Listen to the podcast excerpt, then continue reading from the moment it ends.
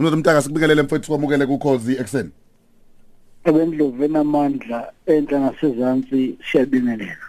Mfethu uthi iningizimu Afrika isingenile shi odakeni akusekho kubuyele emuva. Asiqale sibuke mthiya uma singena ngo1994 kule nqubo okuthiwa yedemocracy kwakukhona izinto njengezwe. Esasiqinisekisa ukuthi ngeke zenzeke ngenxa yokuthi muzokhumbula ngaleso sikhathi uma ungayibali iSouth Sudan manje kwakuyithina izwe lokugcina ukukhululeka eAfrika. Sinenhlanhla yokuthi abaholi bethu abaningi babe sekudingisweni bawabona amaphutha enziwa ngamanye amazwe nabanye abaholi eAfrika nasemhlabeni jikelele. Mm. kwakunethemba-ke lokuthi uma singabokugcina kuyoba khona izinto esingangeni kuzo singabi ingxenye yomlando omubi kakhulukazi emazweni ase-Afrika sasithe uma sephethe thina ngeke uhulumeni asebenzise amandla akhe phezu kwezakhamizi Mm. ngeke iqembu elibusayo eh, lisebenzise eh, ukuthi liyabusa ukuze likwazi ukudunga eh, isimo senhlalo nombuso ngeke kugwamandeke amandla ombuso sizokwazi ukuthi siwabe umnotho sibuyise nomhlaba kubantu ukuze singabi khona isimo esiyintabamlilo ngoba udaba lomhlaba selokwathi inhlobo liyintabamlilo emazweni akhululekile eAfrika. Yeah namhlanje ke kule nyanga esikuyo iminyaka esingamashumi amabili nesikhombisa utho wami umbono ngeshwa lethu asakwazi ukuphumela ngaphandle sithi thina njengeningizimu Afrika singcono kuneZimbabwe. Sithi thina eningizimu Afrika singcono kuneMozambique. Ngani na? Ngoba isimiso sethu njengezwe sesonakele. Uma ukhuluma ngohulumeni kumanje sinekhomishana eveza ukuthi ngempela kwaba khona into esibizwa ngokuthi ukugwamandwa kombuso. Mm. umbuzo uthi lokho kuhluke ngani kunamanye amazwe ngoba ukuchaza ukuthi abantu abakupolitiki eqenjini elibusayo basebenzise uhulumeni ukuthi bayicebise. Ngeke usaphinde kuyothi abaseZimbabwe benza kabi abase Mozambique benza kabi abase Nigeria benza kabi. Sinathi siyafana nabo okokuqala lokho. Okwesibili sekukhona ubufakazi.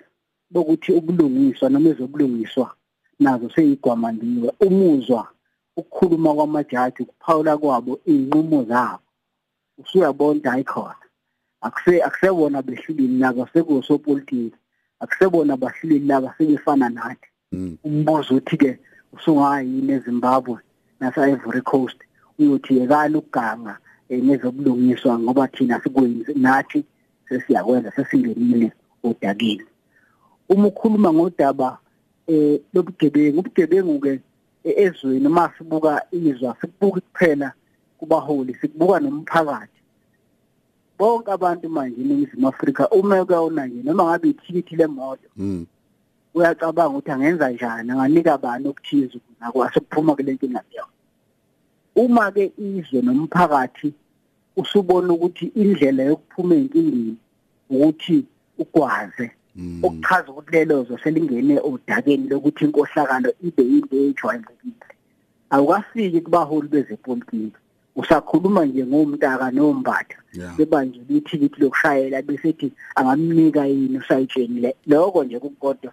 Chaza ukuthi ezweni njenge-Nigeria iNigeria sekuyaziwa ukuthi khona izinto nje eh, imali yakhona ihlala ebhange ihlala lapha emasorokesini sekuyinto yamukelekile nathi-ke sekukhona izimo esezamukelekile eyichaza ukuthi izwe lethu selingene odabeni kodwa okunye eh, osekulukhuni kakhulu ukuxoveka eh, kwepolitiki yethu amaqembu la khona esekwazi ukuthi umuntu akasakwazi ukuba umholi ngokweqiniso ngoba esebenzela abantu usekwazi ukuthi asebenzise imali. Ngama lo ngikubiza ukuthi umswani wembabala usungene endlini. Amaqembu kanjalo namalungu amaqembu aseyazi ukuthi ukuze abe seyikhundleni ezithize awadingi ukusebenzela umphakathi kodwa adinga ukuthi eh, alungise kwabathize ey'nhlakeni zeqembu ukuze bakwazi ukuthi bangene. Zonke lezo zinto izinto ezibufakazi ukuthi emazweni eh athola inkululeko okuqala kunathi amazwe awangena odakeni ngenxa yokwenza lezi zinto. Ngimileke ekuthenini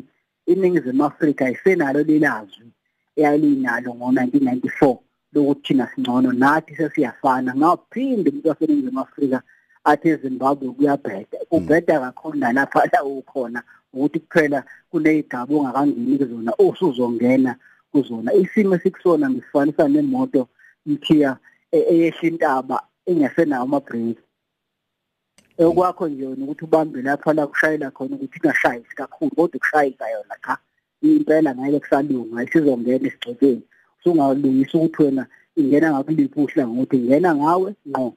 Babe ngena ngohlangothi kodwa yona ingozi sesingenile ngeshwa lethu senziwa yini senziwa ipolitiki nosopolitiki bezona kithi okuyisho abafundanga kumaphutha abawabona eginisweni abafundanga kwipolitiki yomhlaba esasiloku sibona ukuthi uma kawenza nje izwe nobonodakeni nathi sesizodakeni Mfowethu ngiyazi isikhathi asivuma kodwa ngiyafisa ukudlula kulena. Sesiphakathi odakeni uthi akukho ukubuyela emuva. Ngifuna ukubheka ukuthi ngempela ngempela asinalo into esingayidlala one njengami njengomvoti ngoba mawubona phela ukuthi kuyabheda fanele kube khona into oyenzayo ukushintsha. Two ubuka abantu abanjengamaqembu soke ekhona ephikisa because makuthi kwenza mina engumbatha bakhona abanye abangomtaka abangakwazi ukuba nezwi kube khona okwenzekayo. Nezinye inhlaka phela ezibekiwe eyivele ikhona igade ukuqhuba kwethu. Ngiyibheka nje leyo nto le ngabe kumnotho ngabe yikho lokho kwenzelo zokugwamandwa kombuso nanendaba yepolitiki yamaqembu futhi.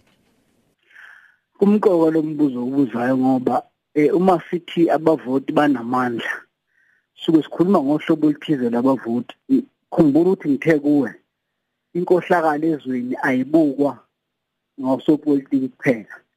Ibukwa nawe ukuthi wona umphakathi awusenayo inkohlakalo.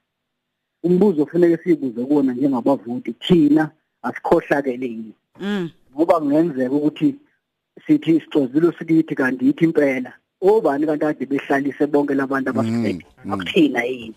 Ngizama ukuthi sisesimeni sokuthi siyibuze sonke ukuthi yiliphi izwe silifunayo eminyakeni ezayo. Uma sithi sifuna izwe elingcono kunalokho esiyikho manje kufanele thina kuqala bavoti sibe neqiniso lokuthi ekuvoteni kwethu sivota futhi sizokwazi ukwelusa ivoti lethu ngoba indaba ngokwami yonakale ekuthenini singawazi amandla ethu ukuthi ukuvota isimo lapho khona umvoti enamandla okukomelisa nokuhlawulisa iqembu noma umuntu loyo. Thina ke asikwenzanga lokho sifike savota nje sangabe siselusa. Uma sithi sifuna ukuguqula sizoguquka yini thina? Ekwazi ukwenza okulungile sokwazi nokujezisa hayi emva komnyaka emhlanje umholi akadiziswe emva komnyaka emhlanje ujeswa nje khona namhlanje ganga. Yini imithetho ekhona yenza ukuthi ukwazi ukubiza umholi okade umvotele eqenjini uma uyilungu ukwazi ukubiza umholi umvotele uma umvoti. Kodwa ngoba singabantu abamane bavote nje bese bebuye emva komnyaka emhlanje asikwenzi lokho. Ngamafuphi singakulungisa mthiya uma kuqala thina siyilungisile. Uke wakhuluma udaba la usangena wathinta indaba ye South Sudan usho nje ukuthi eh ubeka umzekelo eh uhlanganisa nathi njengeningizimu Afrika. Uma sekulalela futhi uyasho ukuthi cha bakithi akusekho ukuthi ke silokhu sibabuka abanye engathi bona bayabheda kwathina nathi siyabheda. Eh yini le enza ukuthi sicishe sifane njoba siyezwa nakhona ko South Sudan? Basanda kuba nayo ubudlelwane kusho ukuthi bevumelana ukuthi hayi abasebenzisane kahle. Kodwa futhi nabo bathi bakhululekile kodwa khona khona lapho kuthiwa hayi senza ukuthi sibe noxolo nokubambisana nokuthula. Kanti ngesikhathi uma ngabe sivota thina siyiAfrika nje singasakhulumi mhlambe nangeningizimu Afrika kodwa ikuphi kanti esike sivumelana ngakho lapho masivota umbono wami mangifunda eh ngihlaziya ipolitiki yaseAfrika yonke kubandakanya nezwe lethu ukuthi abaholi bethu bahlulwa into eyodwa uma beqala. Ukukhuluma iqiniso lokuthi kunezinto esingeke sikwazi ukuzenza mhlawumbe kulezi ezinhlanu noma eziyishumi asivumelane ngokuthi ezimbili okungenani eminyakeni engamashumi amabili sizobe sizenzile. Thina sikwenzi lokho singena sikhulume wonke amaphupho ezinto engeke zenzeke yangende sibone lezi udaba lomhlaba. Akekho ngazi ukuthi abantu bafa nje emngceleni bafa emazweni angaphandle baya ekudingisweni kwakungekona ukuthi abantu babefuna ukuhamba beganwa ngabelungu noma begana abelungu kwakuwukuthi bafuna umhlaba. Mm.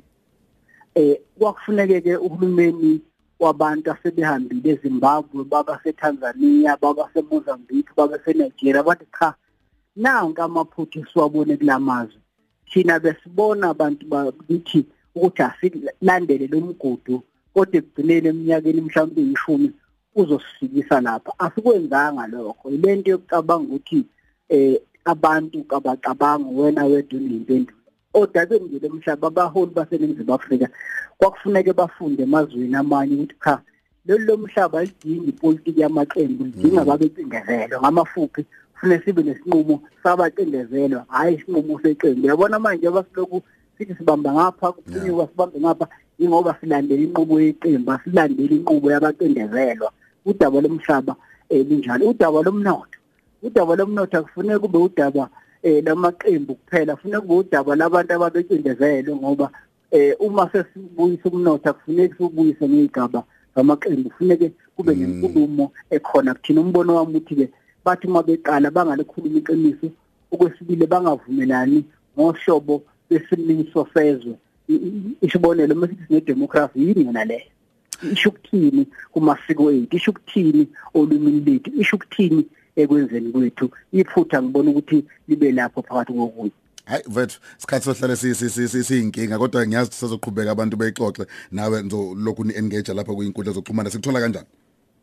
Singatholakala ku Twitter na ku Facebook la khona sikwazi ukulandela siyixoxe lezi zinto. Sibe futhi eh nane nanemizekelo ukuthi kwenzakalani. Laso kena khona ukuthi eTanzania iyonakala lapha eLesotho isonakele lapha eMozambique iyonakala lapha. Bese uyibhekela wena ukuthi iningizimu Afrika ikanjani. Akuyona into lesingayikhuluma usuku lodwa mthiya into ukuthi sibonisane nje bakuthiwa nje inyanga yenkululeko. Ake siphenye lenkululeko isho ukuthini? Akuyibheke nje lapha eduze kwakho. Uma ungasulula isandla sakho nje eh la sigcina khona ubheke ukuthi ukhululekile yini ngoba phela iqala lapha inkululeko iqala kuthina sonke iqala kuwena. Uyibona ukhululekile yini? Nawe inamandla ukuthi ushaye umthetho weluse umthetho. Uamandla ukuthi uguqule iqembu lakho uguqule umasipala wakho uguqule izwe lakho uqala lapho. Ke sibonisana ngenhloso yokuthi sakhe kabusha ngoba lolu daba esikulona singahlala nje iminyaka ngamashumi amabili akusho bakhona abahleli kade bahlala kodwa masifuna sithi siphume sidinga abavoti abakwaziyo ukuyinika amakhwapho ukuthi senzeni yini lesiyibeke phambi kwethu yini lesifonayo yini lesifuna siyithole ngokuzayo fakana majalmane yebo. Fakana majalmane lo mnumzana unhlanhla mtaka khosini FM ngodwe zepolitiki hey kuningi ngempela ke izinto.